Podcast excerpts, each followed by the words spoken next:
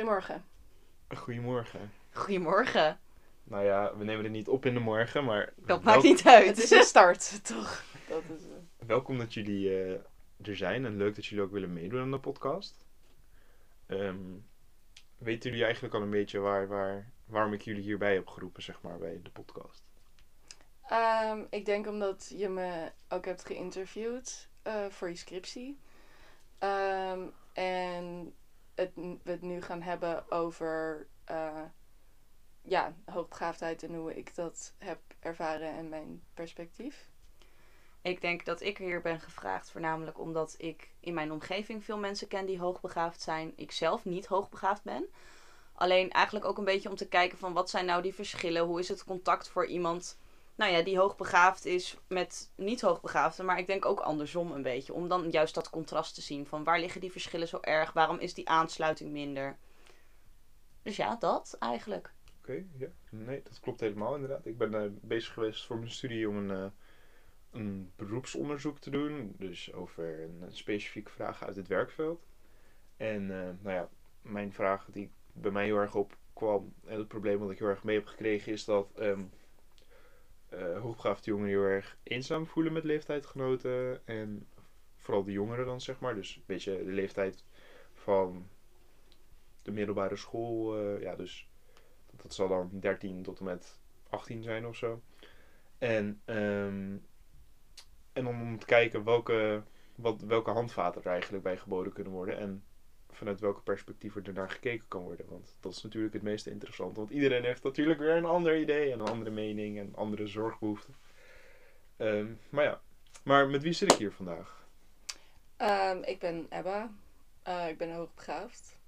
En eh, ja, ervaringsdeskundige. Ik heb ook me eenzaam gevoeld bij de middelbare school. Ik had niet een makkelijke tijd daar, veel gewisseld en dingen. Dus ja, hallo.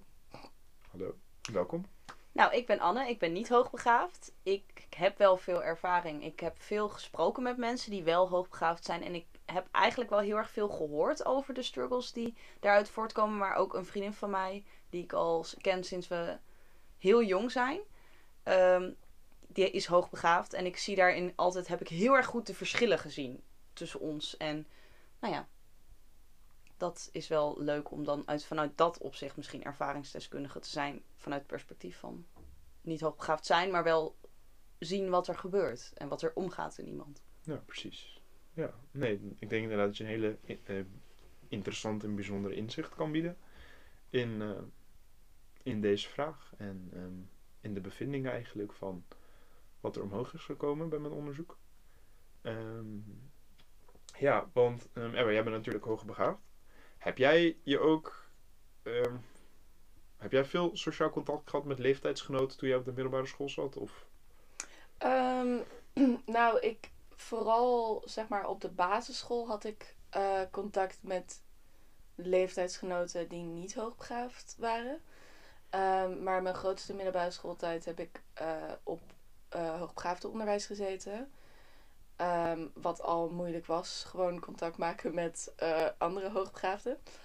Ehm, en daarna heb ik de FAVO gedaan, waar eigenlijk niet een klasgevoel was of zo. Dat was heel erg individueel. Ehm, dus ik heb eigenlijk niet heel veel contact hoeven maken in mijn middelbare schooltijd met eh, ja, leeftijdsgenoten die niet hoogbegaafd waren. Al bij de FAVO had dat wel gekund, maar daar is het me niet gelukt of zo, omdat je niet een, vast, een vaste klas had. Dus dan had je steeds andere mensen.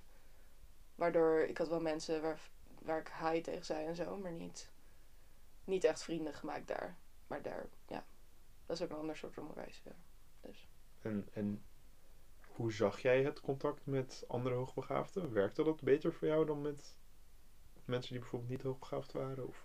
Ehm, ja en nee. Ik denk dat het meer zat in ehm, je leeftijdsgenoten die ook wel een soort van shit hadden meegemaakt of zo. Ehm, dus Phoenix, dat hoogbegaafde drop-out ding gebeuren, centrum. Daar kon ik heel veel contacten maken. Eh, omdat dat en hoogbegaafden waren, maar ook dus jongeren, hoogbegaafde jongeren, die uitgevallen waren. Die dus ook hun eigen struggles hadden. En daar, dat het, het was moeilijk voor mij om contact te maken met iemand die niet zoiets, die nog veel lichter naar het, het leven keek of zo op die leeftijd. Ja, Dat precies. is, eh, Jullie hebben dan eigenlijk meer raakvlakken nog, behalve de hoogbegaafdheid en de... Ja, dus ik denk dat ik meer, ook meer contact zou kunnen maken met iemand die niet hoogbegaafd is, maar wel uitgevallen op school of moeilijkheden op school of zo. Dan een hoogbegaafde die eigenlijk gewoon zijn school goed heeft afgemaakt en geen struggles ervaart rondom hoogbegaafdheid. Ja, precies. Ja, dat kwam toevallig in mijn onderzoek ook heel erg omhoog. Dat ehm hoogbegaafden hebben eigenlijk meer raakvlakken nodig om te binden met leeftijdsgenoten. En ehm, om eigenlijk die aansluiting beter te vinden. Ehm, hoe heb jij dat ervaren op de middelbare school, Anne? Nou, als ik dat zo hoor, dan herken ik daar heel erg wel. Nou, die vriendin van mij heel erg in van vroeger. Die, ik merkte heel erg dat toen zij op de middelbare school kwam. Er zit een klein leeftijdsverschil tussen ons. En daardoor hebben wij bijvoorbeeld nooit in dezelfde jaarlaag gezeten, maar wel op dezelfde school. Alleen ik zag bij haar heel erg dat zij veel meer behoefte had aan betekenisvolle banden. En als die niet snel genoeg kwamen, dan schreef ze vriendschappen ook heel snel af.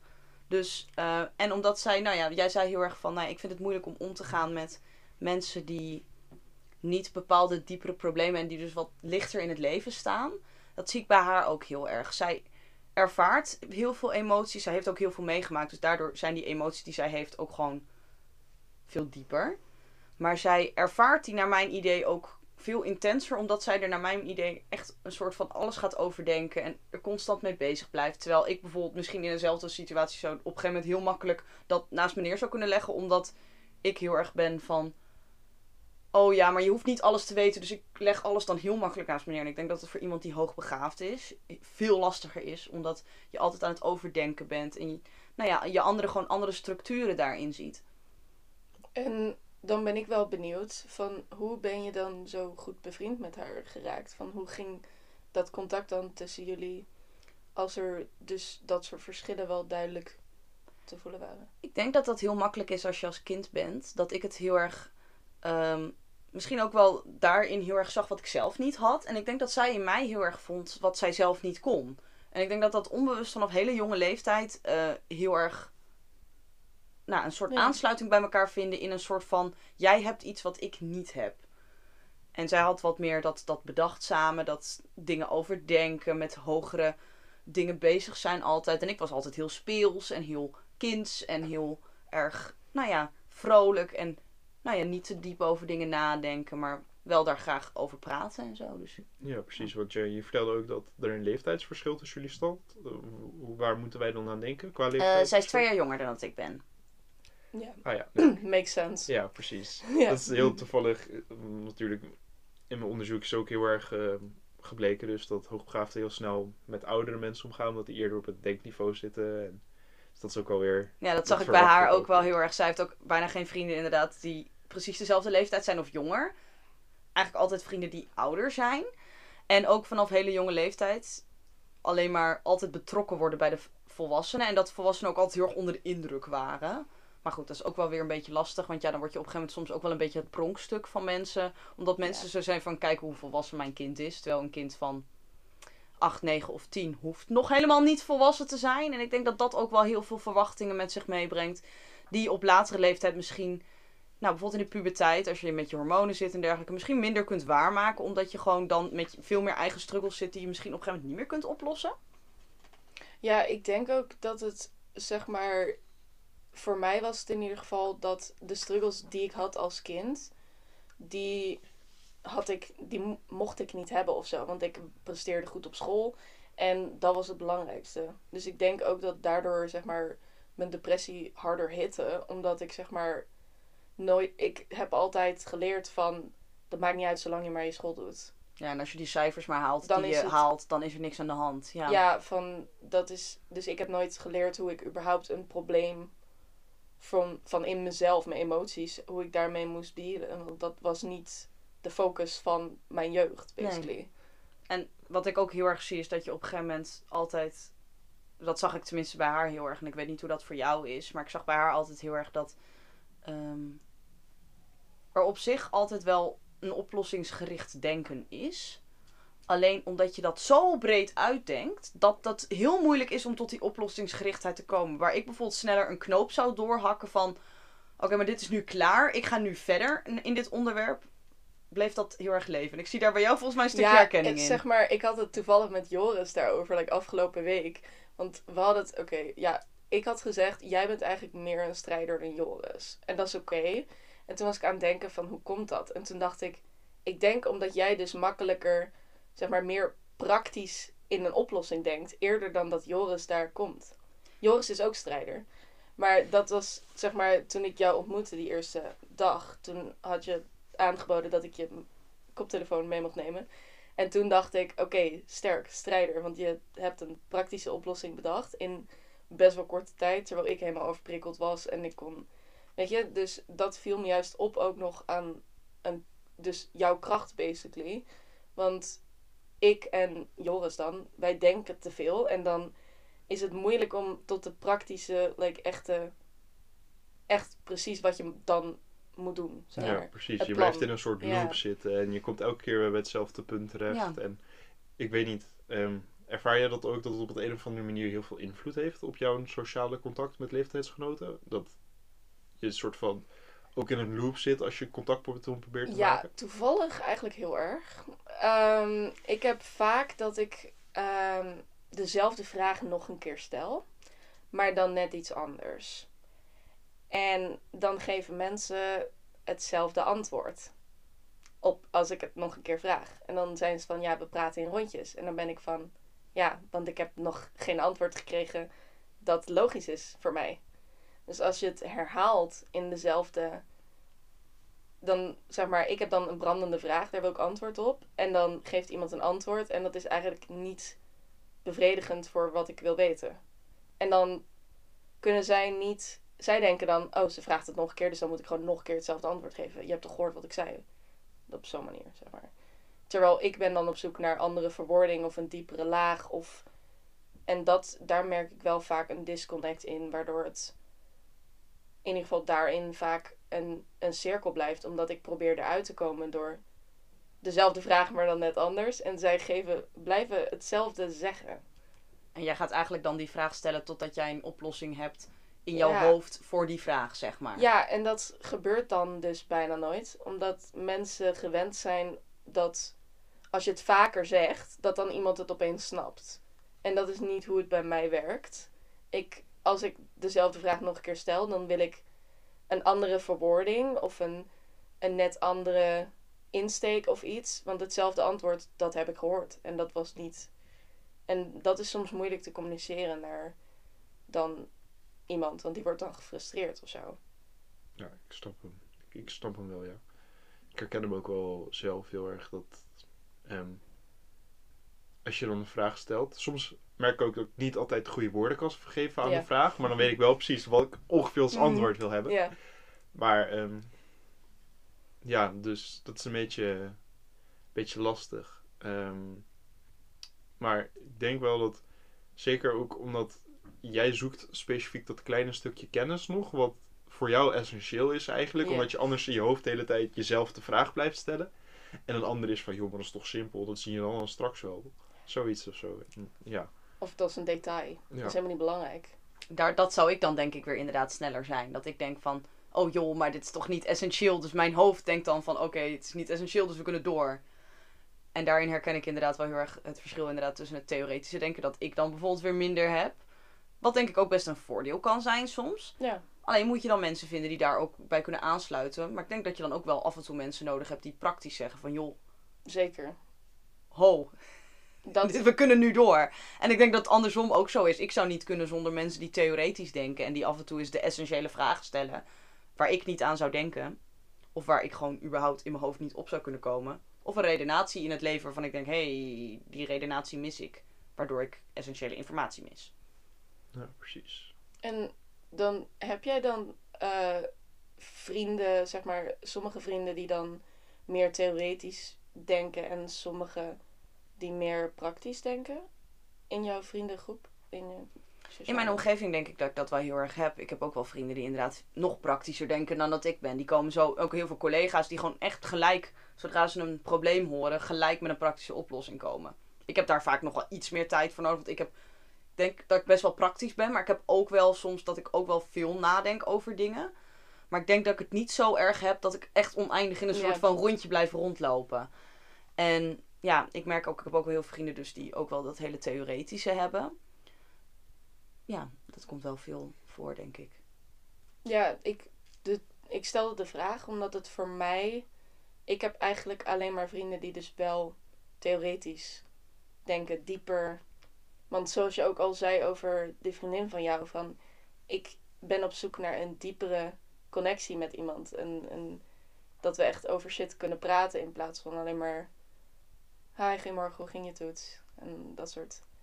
Dat, dus ik, dat merk ik dus dat ik dus niet zo heel veel mensen heb in mijn directe omgeving die zo, ja, die praktisch, meer praktisch gericht Ja, zijn. die inderdaad gewoon kunnen zeggen van... Oké, maar we, gaan, we kunnen nu ook gewoon verder gaan, want ja, het is niet per se dat is, essentieel. ja, dat is, nou soms is het dat wel, maar dan is het meer autisme. dan is het meer van, oh, maar dat is niet een mogelijkheid in mijn hoofd, dus dan gaan we verder, maar niet, ja, dit is een goede oplossing en dan let's go. We gaan verder, Dat ja. is, eh, ja, niet Ja, echt in mijn... precies. En ehm, merk je dan ook bijvoorbeeld bij dit soort problemen dat er. ehm, want je hebt een tijdje thuis gezeten, maar we gaan even van net daarvoor. Dat er bijvoorbeeld op jouw school daar ook ondersteuning bij geboden werd door betrokken vertrouwenspersonen of ehm, je mentor. Of ik weet niet precies wie, wie er allemaal op jouw school zo'n positie hadden. Maar De eh, Leonardo, de ja, dat was de laatste school waar je op zat voordat je een soort van thuis. eh, Ja, maar daarna had ik ook nog twee weken een normale school. Maar daar was ik maar twee weken. Dus dat is niet echt... Ja, daar heb ik drie jaar gezeten bij hoogbegaafd onderwijs. Ja, je zou denken dat daar ondersteuning voor zou zijn. Bij een speciaal onderwijs voor hoogbegaafden. Nou, dat is niet eigenlijk eh, het geval. Ehm, het enige wat we hadden is leren leren. En dat is dan gericht op hoe je schoolvakken moest leren. Eh, oh, en we hadden wel een vast lokaal waar we lunch gingen eten. In plaats van. Dus we hoefden minder door de hele school te lopen in het eerste jaar. Omdat we ook jonger waren. Maar qua sociaal contact tussen ons, of tussen ons en andere groepen, dat eigenlijk niet. En kan ik er dan ook uithalen dat je daardoor wel wat sociaal geïsoleerder was dan andere leerlingen bijvoorbeeld op de school? Dat jullie bijvoorbeeld naar dat speciale lokaal ging om te eten en dat soort dingen. Ja, je had wel, zeker in ons eerste jaar gingen de oudere, zeg maar... Ja, ik zat ook op een school met VMBO en HAVO en VWO en dan ook nog Leonardo. Dus daar zat echt van alles wat. En eh, vooral in het eerste jaar en de eerste periode kwamen wel mensen kijken dan. Van, oh kijk wat voor kleine kindjes. Want bruggers zijn al jong en klein, maar wij waren nog een jaar jonger vaak. Dus dan, er was wel een disconnect met de hele school. Niet per se vanuit ons, maar het was meer. Ja, het was een soort van andere wereld of zo. Die niet echt naar elkaar. Ja, je sprak niet echt met mensen van een ander ding, omdat je wel een soort van Leonardo-kindje was of zo. Ja, precies. Want ehm, hoe was dat op jouw middelbare school, Anne? Want waren er bij jou wel gewoon heel erg menging tussen, tussen de klassen of zo? Of was het wel nog dat, hé, hey, je bleef bij deze mensen uit je klas, je bleef bij die mensen uit je klas? Of hoe was dat bij jou? Eh, nee, wij hadden dat eigenlijk echt totaal niet. Als wij, wij- ik- hoe ik dat ervaren heb door de jaren heen, heel erg, is... ehm, ik kwam van een streekschool, dus wij hadden heel erg mensen uit de hele omgeving.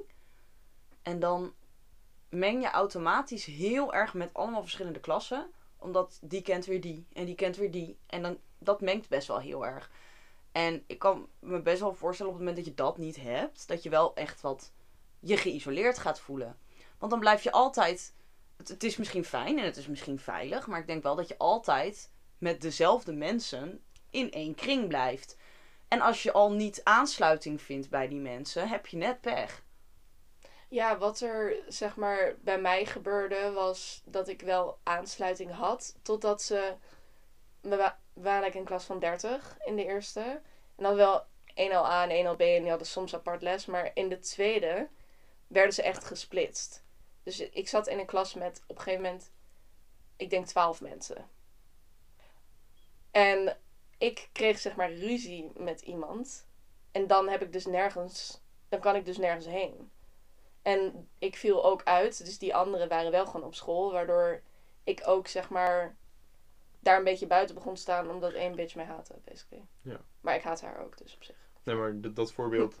Ik heb natuurlijk ook interviews gedaan voor mijn onderzoek. En dat is ook bij twee andere mensen is dat omhoog gekomen. Dat ehm, ze eigenlijk hetzelfde aangaven. Dat op het moment dat ze een soort van hoogbegaafd onderwijs kregen. Dus in een beschermde groep waren. Dat juist op het moment dat er dan uitval is tussen twee eh, mensen binnen die groep. Dat eigenlijk de hele dynamiek in de groep nog meer kapot gaat eigenlijk. En dat er daardoor juist nog meer eenzaamheid is in de groep. Terwijl de groep juist is gemaakt om mensen bij elkaar te brengen.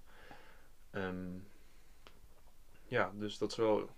Interessant. Ja, Ja, het is inderdaad. In, ik heb mijn eerste jaar dus wel ervaren als een groep. Die was wel afgesloten van de rest van de school. Maar inderdaad, ik denk dat voor mij ook in mijn specifieke geval, ja, sowieso die mensen die deden hun best. Maar die wisten misschien niet helemaal wat ze moesten doen daarmee.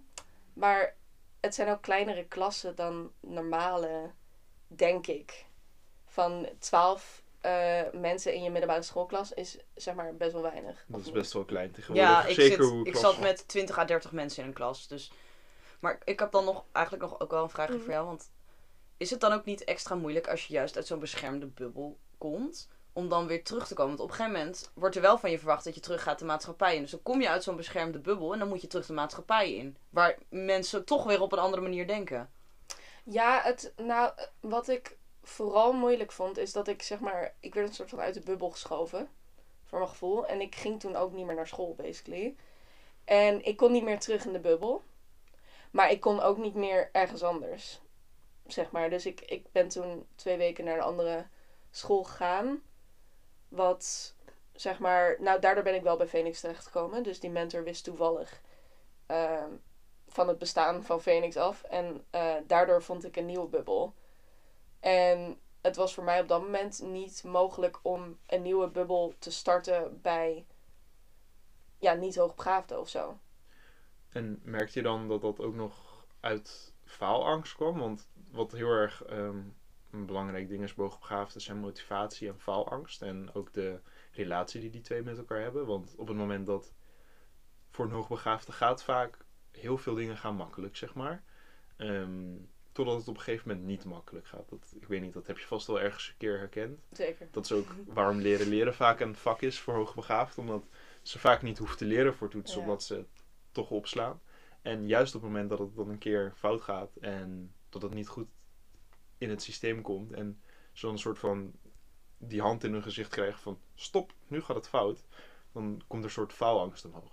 Heeft dat daar ook nog mee te maken met de... Nou, ik denk dus dat zeg maar de faalangst die ontstaat en die zorgt ervoor dat zelfs al ga je zelf kapot, je wel nog presteert. Want je zou maar een onvoldoende halen. Ehm, en ik denk, zeg maar, de mensen die ik heb ontmoet die hoogbegaafd waren, die vast zijn gelopen in het onderwijs, zijn de meeste daarvan zijn vastgelopen op sociaal contact. En niet op, eh, op schoolprestaties. En ik denk dat het, zeg maar, als je in zo'n groep komt waarvan je denkt, oh, dat zijn mensen zoals ik. En dat je die je dan afwijzen.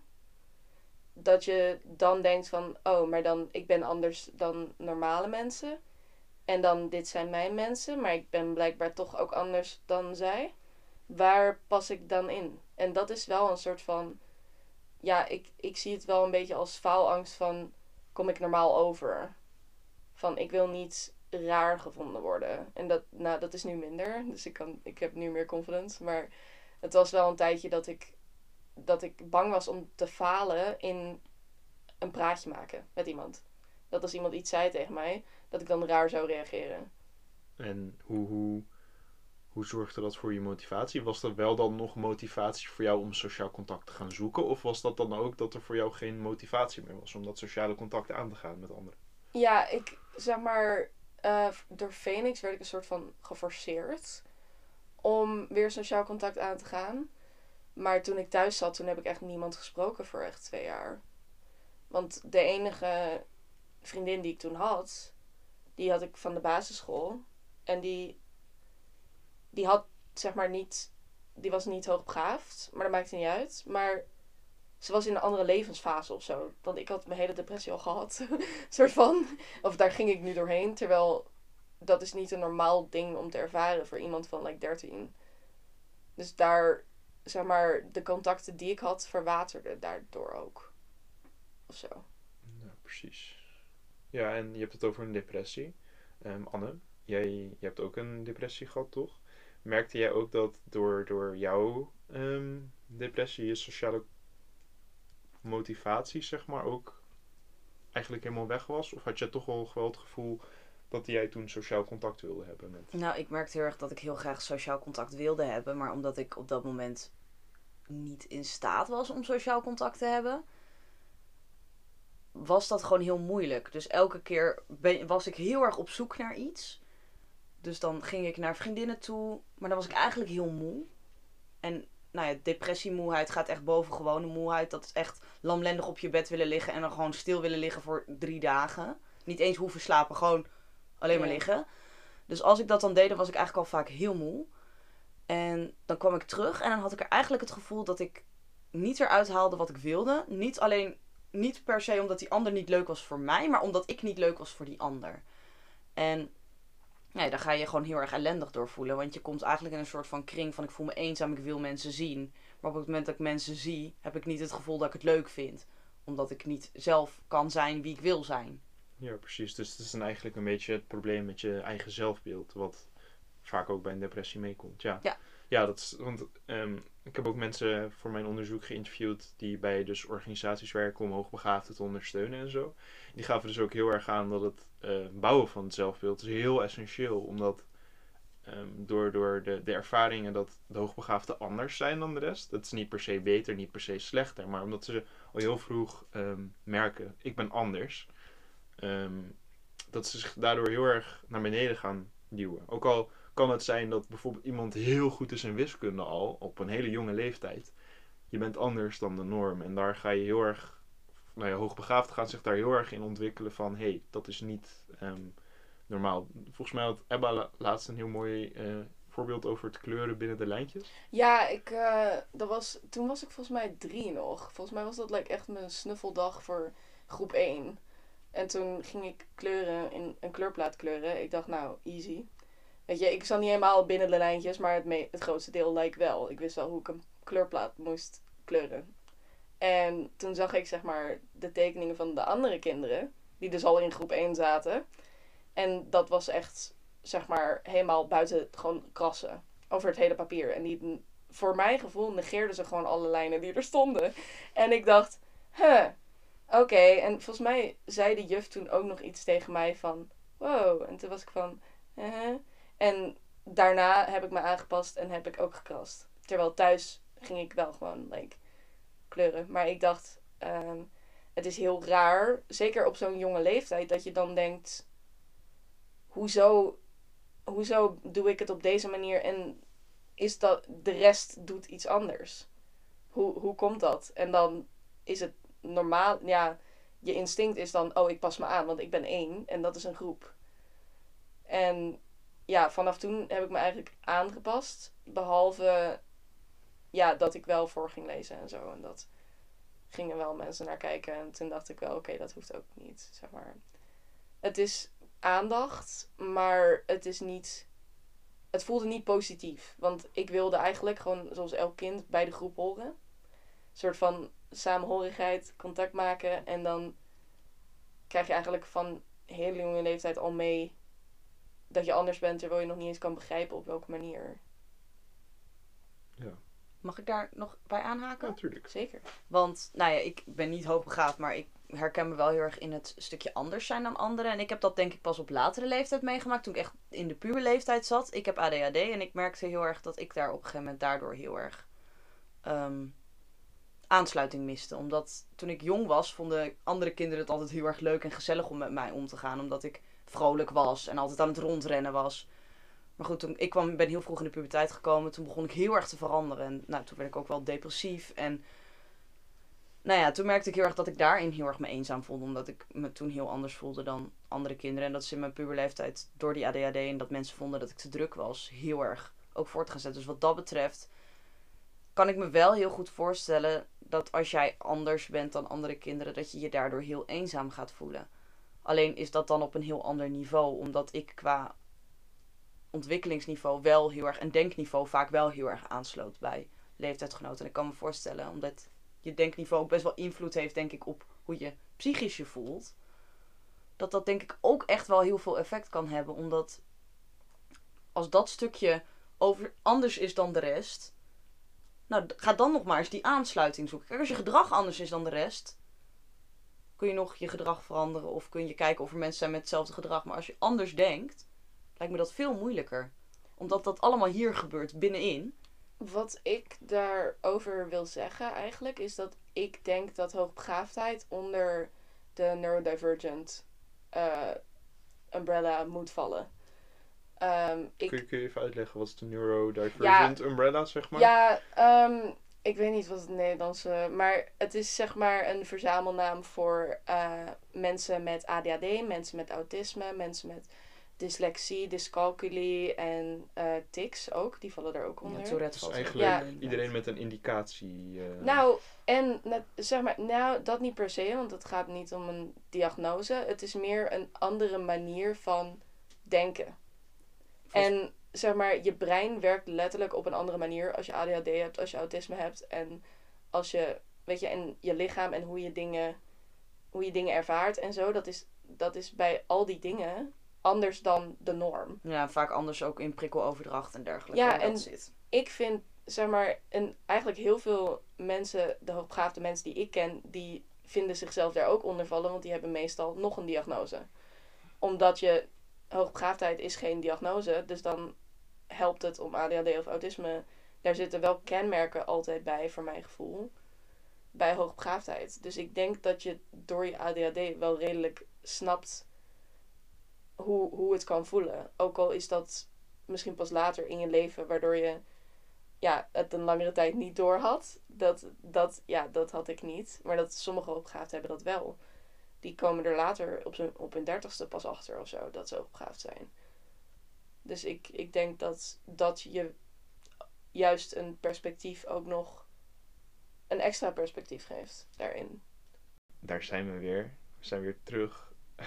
Na de break. Ja, nee, ik, ik wil nog een stukje met jullie bespreken over. ehm, ik ben voor mijn onderzoek heel, heel erg de, de middelbare scholen proberen op te zoeken. Omdat ik natuurlijk de focus wilde leggen op de middelbare schoolleeftijd. Omdat het sowieso al een onzekere periode is. En veel mensen daar toch wel de, de, de basis maken voor de, de vriendschap in hun leven, zeg maar.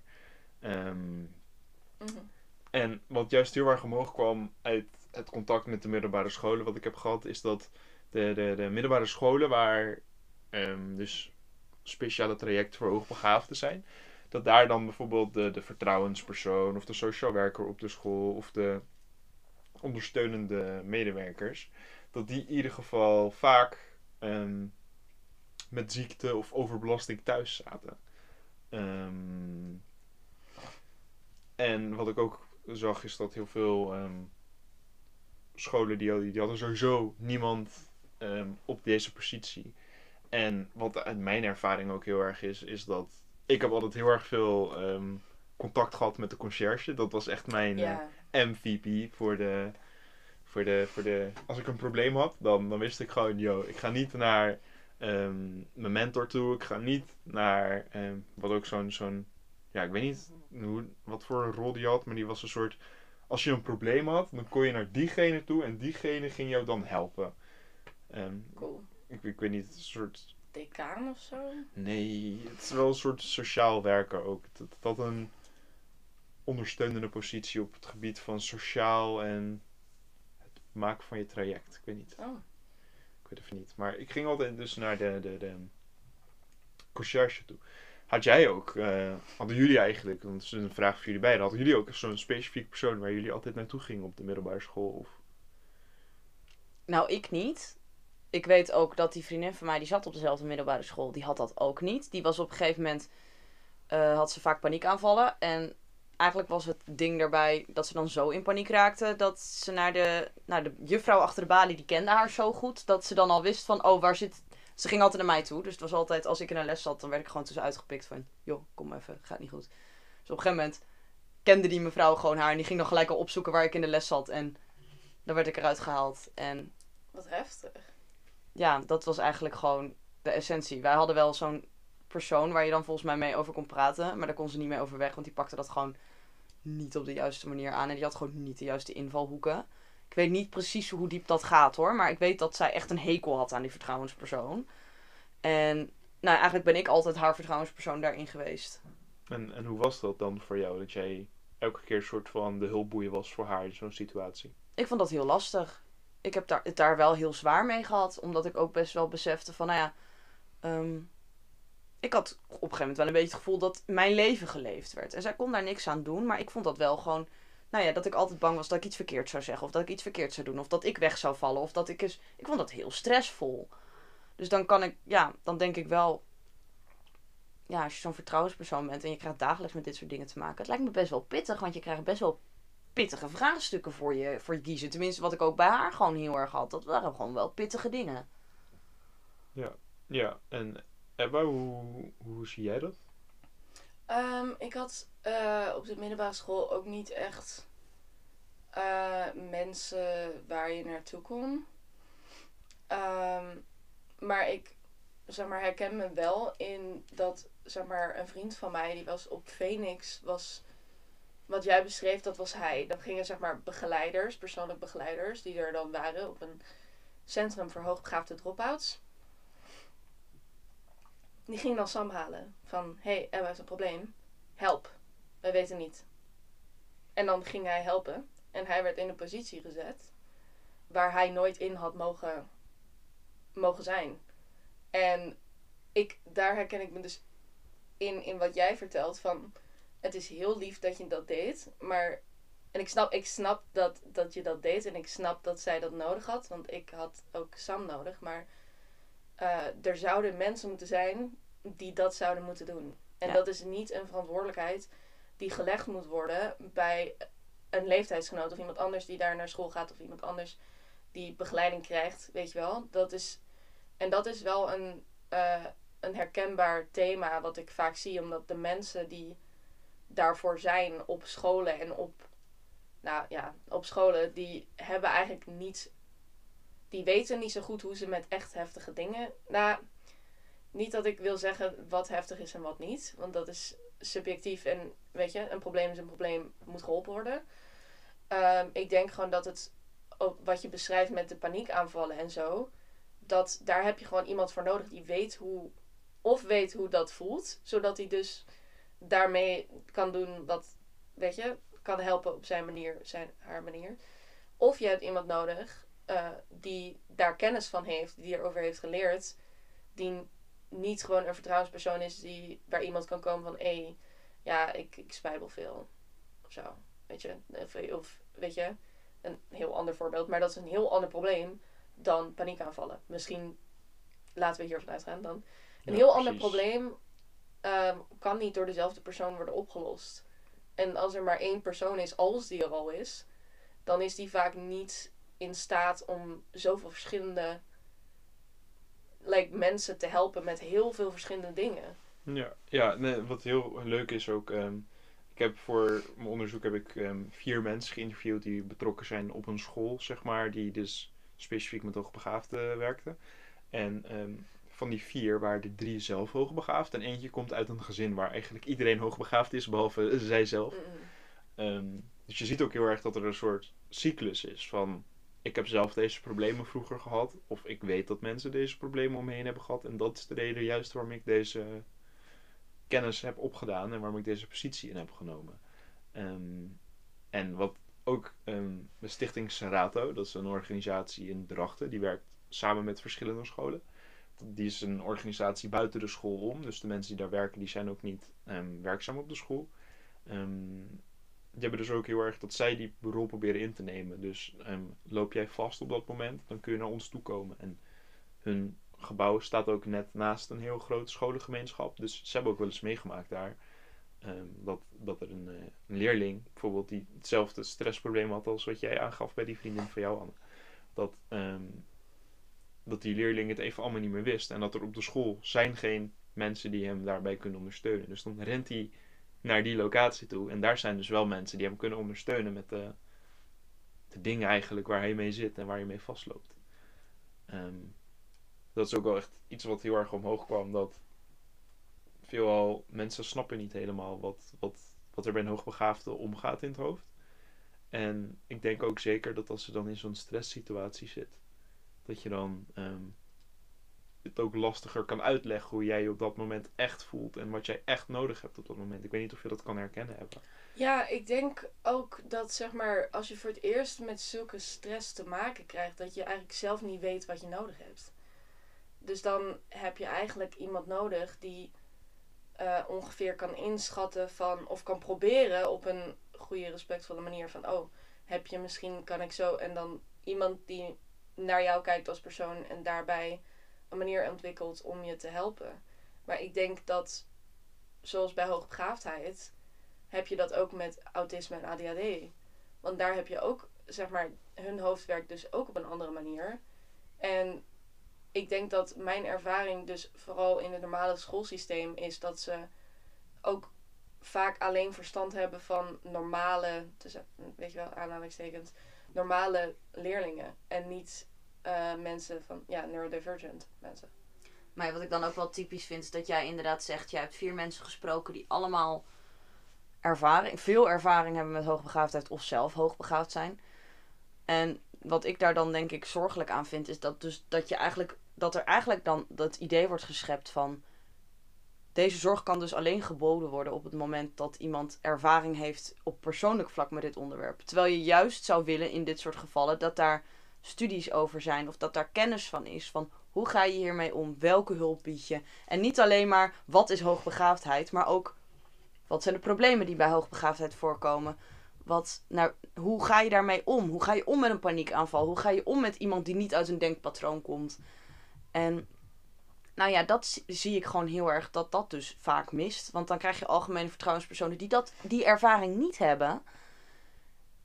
En dan merk je gewoon heel erg dat, dat mensen dus niet naar die vertrouwenspersoon toe gaan, omdat diegene daar geen ervaring mee heeft en dus de verkeerde dingen zegt. Ja, en ik vind dat gewoon wel frustrerend, want dan denk ik van, hé, hey, hallo, ehm, waarom kunnen alleen, waarom zouden alleen mensen die hoogbegaafd zijn of er heel veel ervaring hebben met hoogbegaafdheid dit kunnen? Er moeten toch manieren zijn.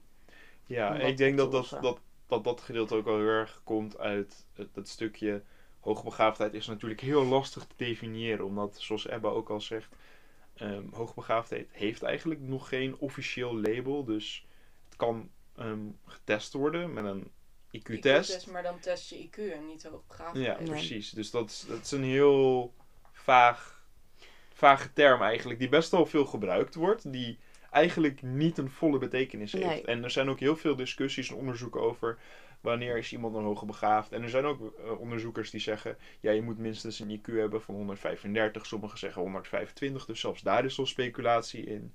En um, je hebt natuurlijk ook zoveel verschillende aspecten in je hoofd.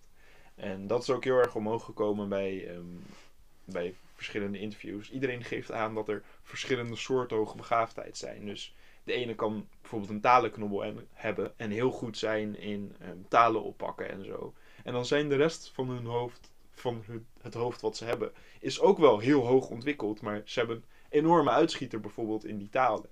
En je ziet dat ook bij uh, mensen die niet hoogbegaafd zijn. Die kunnen ook zo'n uitschieter hebben. Maar die zijn dan in één categorie heel, heel ontwikkeld eigenlijk. En um, ik denk dat het daarom ook heel lastig is om het te definiëren hoe en wat. Maar um, ik denk dat dat ook heel lastig is met bijvoorbeeld... Um, je had het net over autisme en ADHD. Dat op het moment dat dat in combinatie is met hoogbegaafdheid, heb je natuurlijk ook multi. Um, ja. Comorbiditeit. Ja. ja. Dus dat je meerdere, inderdaad, meerdere diagnoses of in ieder geval meerdere ja. problemen naast elkaar hebt groeien. Maar goed, als ik even een heel raar uitstapje mag maken. Ik werk zelf, heb ik in de gehandicaptenzorg gewerkt. En niet om het te vergelijken met een handicap. Maar ook dat zijn dingen die vaak heel moeilijk te definiëren zijn. Want je kunt een heel laag IQ hebben. Dus eigenlijk het gaat het ook over IQ. Je kan een heel laag IQ hebben, maar dan kan je toch anders ontwikkeld zijn dan iemand met hetzelfde lage IQ. Die weer andere dingen kan. En dan denk ik heel erg, nou, ik zie daar collega's in die ook goed daarmee om kunnen gaan. En dan denk ik wel van, ik denk best dat je dat soort dingen kunt leren. Want dat zijn allemaal mensen die vaak een, een opleiding hebben gedaan op dat gebied. En dan denk ik van ja, waarom zou dat dan met zoiets niet kunnen? Want Ik, denk, dat stigma heel erg een grote rol hierin Nou, speelt. Ik denk dat het zeg maar, zeg maar, het is veel duidelijker dat iemand eh, geestelijk gehandicapt is dan dat iemand hoogbegaafd is. Dus er is heel veel meer, zeg maar, onderzoek en dingen zijn al in plaats gezet voor, zeg maar, de andere kant. Want het is eigenlijk een normaal curve, zeg maar. En de geestelijk gehandicapten zitten aan de ene kant en de hoogbegaafden zitten aan de andere kant. En omdat je met hoogbegaafdheid best wel nog heel veel dingen kan en op andere dingen vastloopt, waardoor het niet helemaal, zeg maar, duidelijk een heel groot probleem is. En inderdaad ook stigma. Iedereen denkt, nou, je bent fucking slim, dus hoezo heb je problemen?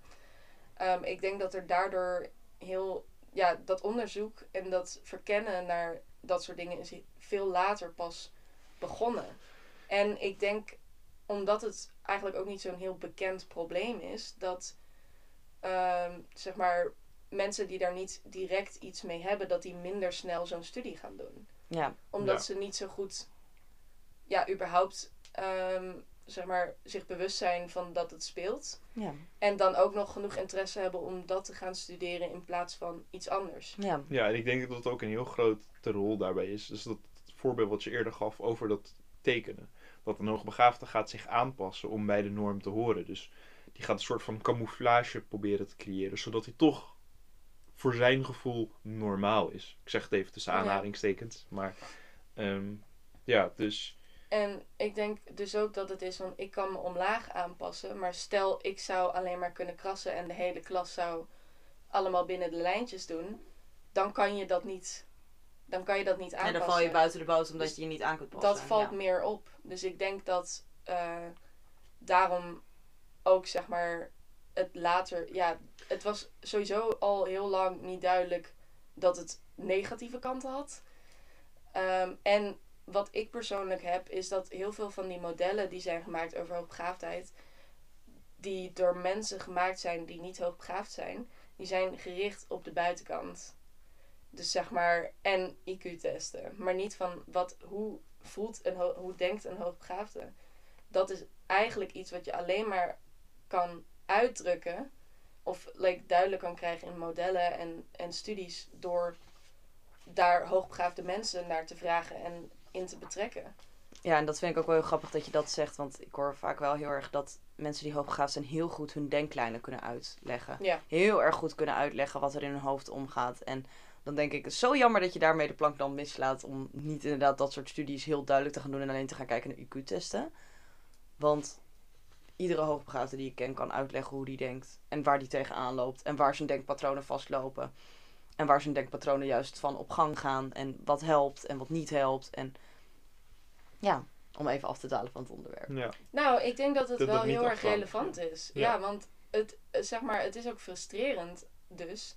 Want ik kan dus heel goed uitleggen wat ik nodig heb. Waarom ik zo denk, waarom ik dingen vraag, hoe het werkt. En dan is het lastig om steeds mensen te hebben die daar negatief op reageren. Er zijn mensen die hebben bewondering voor hoe erg ik tegen onrecht wil vechten. Hoe erg ik mezelf opzij wil zetten als ik, als ik echt zeg maar denk... Oké, dit kan ik fixen reëel gezien. Dit is onrecht. Hier kan ik iets aan doen. En andere mensen denken, ja, waarom zou je zoveel moeite doen? Want je, je verneukt jezelf door dat zeg maar te doen. En dan is juist een van mijn sterkste kwaliteiten... wordt dan een soort van gespiegeld als een, een negatief iets. En dat is... Ja, het is allemaal subjectief natuurlijk. Maar het is denk ik daarom ook lastig om het te blijven doen. Als je merkt dat heel vaak er geen ruimte voor is. Of mensen niet kunnen begrijpen of willen begrijpen. Op de tijd nemen om te begrijpen wat je eigenlijk zegt. Want Ja. Ja, dat, dat is frustrerend voor beide kanten ja. eigenlijk ook. Ja, maar ik denk ook dat, dat nog even terugkomend op de vraag die origineel gesteld werd. Ik denk ook dat het heel erg te maken heeft met natuurlijk hoogbegaafden zijn maar 2% van de bevolking. Dus het is ook, 2,5. ja, 2006 zelfs officieel. wow. Maar ehm, dat, het is een hele kleine groep. En binnen die groep is er dus een nog kleinere groep die deze problematiek ervaart, zeg maar. Ik, heb natuurlijk niet met mijn onderzoek in kaart gebracht hoeveel hoogbegaafden dit probleem ervaren of ervieren. Maar het is in ieder geval wel een probleem wat speelt. Dus Ik heb eh, voor mijn profielwerkstuk heb ik een enquête gedaan. En eh, een van die vragen was iets in de richting van... eh, vind je het leuk om hoogbegaafd te zijn? Vind je het fijn om hoogbegaafd te zijn? En de meeste mensen hebben daar nee op geantwoord. Die zouden liever, als ze het zouden kunnen veranderen, hun hoogbegaafdheid weghalen. En dat is iets waarin je... Ja, ik heb daar geanalyseerd inderdaad al die resultaten. Maar ik heb alle antwoorden gelezen. En heel veel, heel veel mensen hebben like, vooral de vooroordelen die erbij komen. En dat de wereld gewoon niet is gemaakt voor, voor jouw denkpatroon. Dat je daar altijd op vast blijft lopen. Bijna. ja, precies. Dus dat, dat hoogbegaafden zien ook vaak hun hoogbegaafdheid als echt een probleem voor zichzelf. Voor, ja, voor hun is het, het, zeg maar, het zou niet een handicap moeten zijn. Maar het, net als autisme, ADHD, is het eigenlijk wel een handicap. Alleen op een andere manier. Maar dat, zou, dat komt door de wereld. En niet door hoe je hoofd werkt, maar meer dat het anders is. En daardoor kan je niet normaal, normaal doen. Ehm, en dat kan je niet veranderen. Dus daarin vind ik misschien wel dat het gezien kan worden als een lichtelijke handicap. Dan voor mezelf zou ik dat. Ik kan niet voor anderen spreken. Ik denk dat je voor veel mensen spreekt dat ze zien het als een handicap. Of in ieder geval als een afwijking van de norm. En daardoor zou het eigenlijk een soort labeltje moeten zijn. Voor, voor of nee, niet per se een labeltje, maar misschien meer een, een, een factor waarom ze ondersteuning nodig hebben, zeg maar. Dus, of hoe denken jullie daarover? ja, ik, ik denk dat het. Ik zoek even naar het goede woord. Maar een, een obstakel of zo. Of een extra moeilijkheidsgraad om. Weet je wel, het is een. Ja. Een, een Ik snap wat je bedoelt. ja. of zo. Ja, het is, Ja, je, je hebt wel vaker dat bijvoorbeeld om, om, om die, die prikkeling qua ontwikkeling, qua het leren aan te gaan, heb je vaak bijvoorbeeld een plusklas op een school. Om ehm, ja. andere activiteiten te doen, om, zodat de hoogbegaafde geprikkeld blijft. Maar ehm, ik kan uit ervaring vertellen dat ik bijvoorbeeld, omdat ik op school dus mijn schoolwerk al niet afmaakte, omdat ik zo'n slecht eh, sociale binding had met mijn leeftijdsgenoten, mocht ik ook niet naar de plusklas, omdat ik volgens Fuck hun dat. geen goede resultaten haalde om zogenaamd hoogbegaafd te zijn. Terwijl ik wel drie tests heb gedaan, waar alle drie uit is gekomen. Jij zit ver boven de 140. Dus. Dan ehm, is het van, kijk, je bent hoogbegaafd, maar je hebt zoveel struggles dat je je normale werk niet afkrijgt. Dus dan krijg je ook niet de voordelen van, eh, die we aan Ja, alle precies. hoogbegaafden wel bieden. Dus Dus, je wat- wordt alleen gestraft voor je Ja, hoogbegaafdheid. precies. En, En- terwijl dat juist heel erg zou kunnen hebben geholpen om mij weer te motiveren. En juist misschien aan die, die binding te maken met die andere hoogbegaafden die in dat groepje zouden zitten. En zeker als je al testen hebt gedaan, zeg maar. Dus dan heb je, dat is dan bewijs. Weet je wel, niet, dat zou niet zo moeten werken, maar dan, waarom zou je dan niet... Nou, ik kan wel uit mijn ervaring spreken dat het, het waren niet allemaal, het waren niet allemaal hoogbegaafden in de plusklas. Het waren heel veel hoogintelligente kinderen die zeg maar hun werk afkregen. En ik toevallig ook, want faalangst en ik moest alles doen en dat ging wel. Ehm, maar dus heel veel hoogbegaafden. Dus ik herken daarin wat jij zegt, van die dan hun werk niet afkregen of ze vonden het stom en ze gingen überhaupt niks doen. Van nou, dat weet ik al, laat maar. Maar dan moesten ze dat alsnog doen en dan mochten ze ook niet. Want er was een probleemkind, zeg maar. En dat is, dat is jammer, al is het dus niet altijd goed geregeld, de plusklasse. Dus dat is niet altijd een, het is een leuk ding, maar het is niet altijd. Ja, precies. En nou ja, ik heb nog één laatste vraag. Dan kunnen we daarna lekker de podcast gaan afsluiten. Ehm, hoe, want dat is, een ding wat voor mijn onderzoek nog echt een belangrijk punt is geweest. Hoe kun je checken dat een, een vertrouwenspersoon of een ondersteunend persoon goed werk levert bij de jongeren? Want dat is natuurlijk ook weer heel, ehm, heel persoonsgericht. Want de ene heeft één vriend nodig en die is dan dolgelukkig en die heeft er daarbij zijn eenzaamheid opgelost. De ander wil tien mensen, de ander wil dit, dat, zus, zo. Die vraag is natuurlijk heel individueel. Maar hoe kun je controleren dat bijvoorbeeld een ondersteunend medewerker ehm, ja, dat die eigenlijk de zijn werk juiste resultaten Ja, levert. Ik denk dat jij die kan beantwoorden. Nou. Als ik heel erg denk van wat zou goed helpen om die resultaten te bekijken, in kaart te brengen, is het denk ik evalueren een hele grote factor.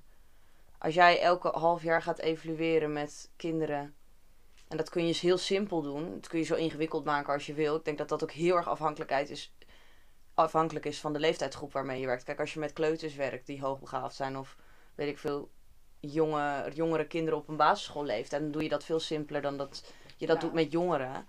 Maar ik denk als jij gaat evalueren, wat heb je bereikt? Ben je tevreden over wat je hier hebt bereikt? Heb jij het gevoel dat je hier wat aan hebt? Ik denk dat je dan al heel goed in kaart kan brengen, leveren wij de juiste zorg?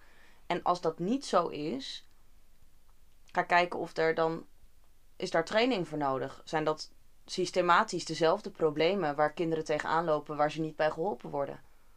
Kun je aan de hand daarvan een scholing of een training geven? Desnoods door iemand die ervaringsdeskundige is. Ehm, Maar dan heb ik, een, heb ik een vraag van hoe het bij jou op school dan ging. Dat was duidelijk dat de per- vertrouwenspersoon, de persoon die daarvoor was, die kon dat niet leveren. Als ze jou elke keer daaruit moesten halen. Hoe komt het dan dat ze niet, of hebben ze wel geprobeerd daarin meer te doen? Of waarom, ik weet het ook niet. Wat ik heel erg ook daarin zie, is wat, ik- wat ik gewoon een groot falen vind, is dat er dan dat, een, dat er dan over het algemeen geaccepteerd wordt wat ik dan weg wordt Ja. gehaald. En dat er dan niet wordt gezegd, joh, ehm, er is een vertrouwenspersoon, waarom ga je daar niet heen? Wat is er aan de hand? Waarom, weet je, en dat hoeft niet op dat moment. Ja, maar je kunt toch zien als dat een systematisch Ja, probleem is. daarom. En iemand vaker bij de baliejuffrouw staat dan ongeveer in de klas zit. Dan kun je toch op een gegeven moment gaan nadenken. Joh, er klopt hier iets niet. Eh, we gaan kijken, wat is er fout? En ik zie ook heel erg dat het schoolsysteem daarin gewoon Ja. niet ondersteunend is. En dan maar accepteert dat ik degene ben die dat probleem wel oplost. Terwijl ik 15 Een of ander- 16 ja, jij was. En veel te jong was om ja, met die problemen te dealen. Maar goed, dat is mijn verhaal. Ja, precies, dus wil je dan ook zeggen dat er eigenlijk te veel druk ligt dan op de jongeren? Of? Nou, ik vind het heel raar dat er dan inderdaad verantwoordelijkheid ligt bij diegene zelf. En dat een schoolsysteem niet zegt: Goh, jij bent, jij bent een jongere, jij hebt gewoon in principe gewoon iets. Ja. Jij moet hier zijn, maar dat lukt niet. Jij gaat systematisch zoek jij naar een oplossing, maar die oplossing ligt buiten ons. Waarom doe jij dat? Waarom ga je niet naar je mentor toe? Waarom ga je niet naar een vertrouwenspersoon toe? Ik zou dat toch wel graag willen weten als ik Nou, en ze, gaat, ze ging toch naar de balie toe. Dus ze ging in principe Ja, naar maar- een medewerker. Ja, om mij dan vervolgens te Ja, gaan halen. en dan maar kan dan, toch de medewerker een soort van denken van... Hé, dit gebeurt wel heel erg vaak. Moeten we niet hier als school iets mee... Ja, precies. Doen. Want voor jou is dat natuurlijk ook voor je, je, je leerontwikkeling is dat ook niet optimaal. Want jij wordt Nee. elke keer uit je leersituatie ik en vond het- sociale weggetrokken. en ontwikkeling ik vond het ook heel stressvol, want elke keer dacht ik, oh, er is weer wat gebeurd. En ik dacht echt, ik was elke keer in een soort van paniektoestand. Ja. Ik zat op een gegeven moment niet meer rustig op school, omdat het wekelijks gebeurde. En ik dacht, wanneer zullen we het deze week hebben? Zullen we het vandaag of morgen hebben? En dat ik dan niet meer rustig in een les zat, want het kon aan het begin van de dag gebeuren of aan het einde van de dag. Wat kut. Ja, dus conclusie, we hebben meer medewerkers nodig die op scholen ondersteuning kunnen bieden bij... Ik denk dat het, zeg maar... Want hier evaluatie, daar heb je een goed punt. Maar hier was dat duidelijk een, een terugkerend probleem. En daar hebben ze niet op Daar wordt niet op gesignaleerd. Er moet niet alleen inderdaad geëvalueerd Ja. worden, er moet gesignaleerd worden. En ik denk dat het niet alleen meer mensen moeten zijn, maar ook speciale mensen voor speciale soort onderwerpen. Dus zeg maar, je hoeft niet een, een expert te hebben van alle dingen, maar je kan iemand hebben die voor neurotypicals, zeg maar, die daarmee kan helpen. Of daar in ieder geval verstand van heeft. Ja, en dan iemand die juist met eh, mensen met autisme, ADHD, zeg maar, een andere een rugzakje. Basically. Maar dan, zeg maar, weet je, want één persoon die kan, die kan nooit alle specialisaties hebben. Terwijl al doe je meerdere, meerdere vertrouwenspersonen met allemaal een ander specialisatieding, hoe dat dan ingericht wordt, I don't know. Maar dan heb je in ieder geval meer expertise dan één persoon. Ja, precies. En je hebt ook meer aanspreekpunten dat als je bij de ene niet klikt, dat je het bij de andere kan proberen.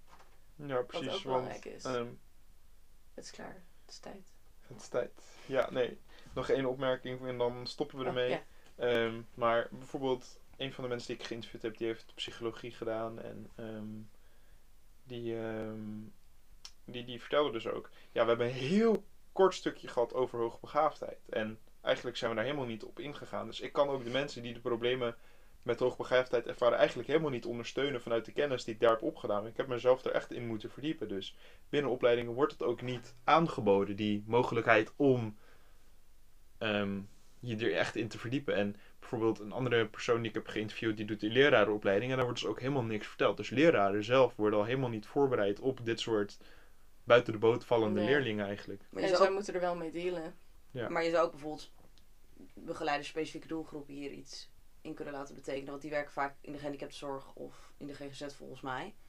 Maar ik bedoel, je kunt ook, je hoeft niet per se super hoge school te zijn om dat, denk ik, daarmee te kunnen omgaan. Ik denk als jij begeleiders daarin zet, kun je dat ook op veel laagdrempeliger niveau Nou, ook inzetten, denk ik. Ik heb zeg maar ervaring, daar kan je heel veel kapot mee maken. Iemand, sowieso iemand die onkunde heeft.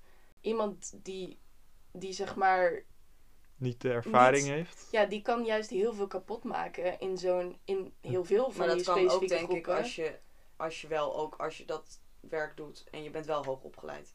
Ja, maar het gaat meer over van ehm, het, het specialisatieding. Van je moet wel iets van een cursus. Maar dan denk ik, doe Ja. liever een cursus dan like een opleiding. Ja, maar goed, ik bedoel, als je dat een- al ja. inderdaad meer naar voren laat komen en je zou mensen die richting bijvoorbeeld kunnen laten kiezen van, nou ja, ik wil Nou, ik denk, begeleiding bieden bij mensen met hoogbegaafdheid, denk ik dat je inderdaad door cursus of door Ja. cursussen te volgen, inderdaad, dat je al veel verder komt. Maar Want dat dat er niet is. het ja, dan loop je tekort dit. ga je niet like, terug. Want er is een tekort. En dat ga je niet oplossen door iedereen een studie van vier jaar te laten Nee. doen. Ik denk juist Dus dat denk kleine korte, studies ja. en die juist gefocust zijn op bijvoorbeeld het oplossen van een van de problemen die er is. Dus bijvoorbeeld of hoogbegaafde of autisten. ja, Of op die manier dat je daardoor meer en sneller. vak aan en- meer, ja. ja.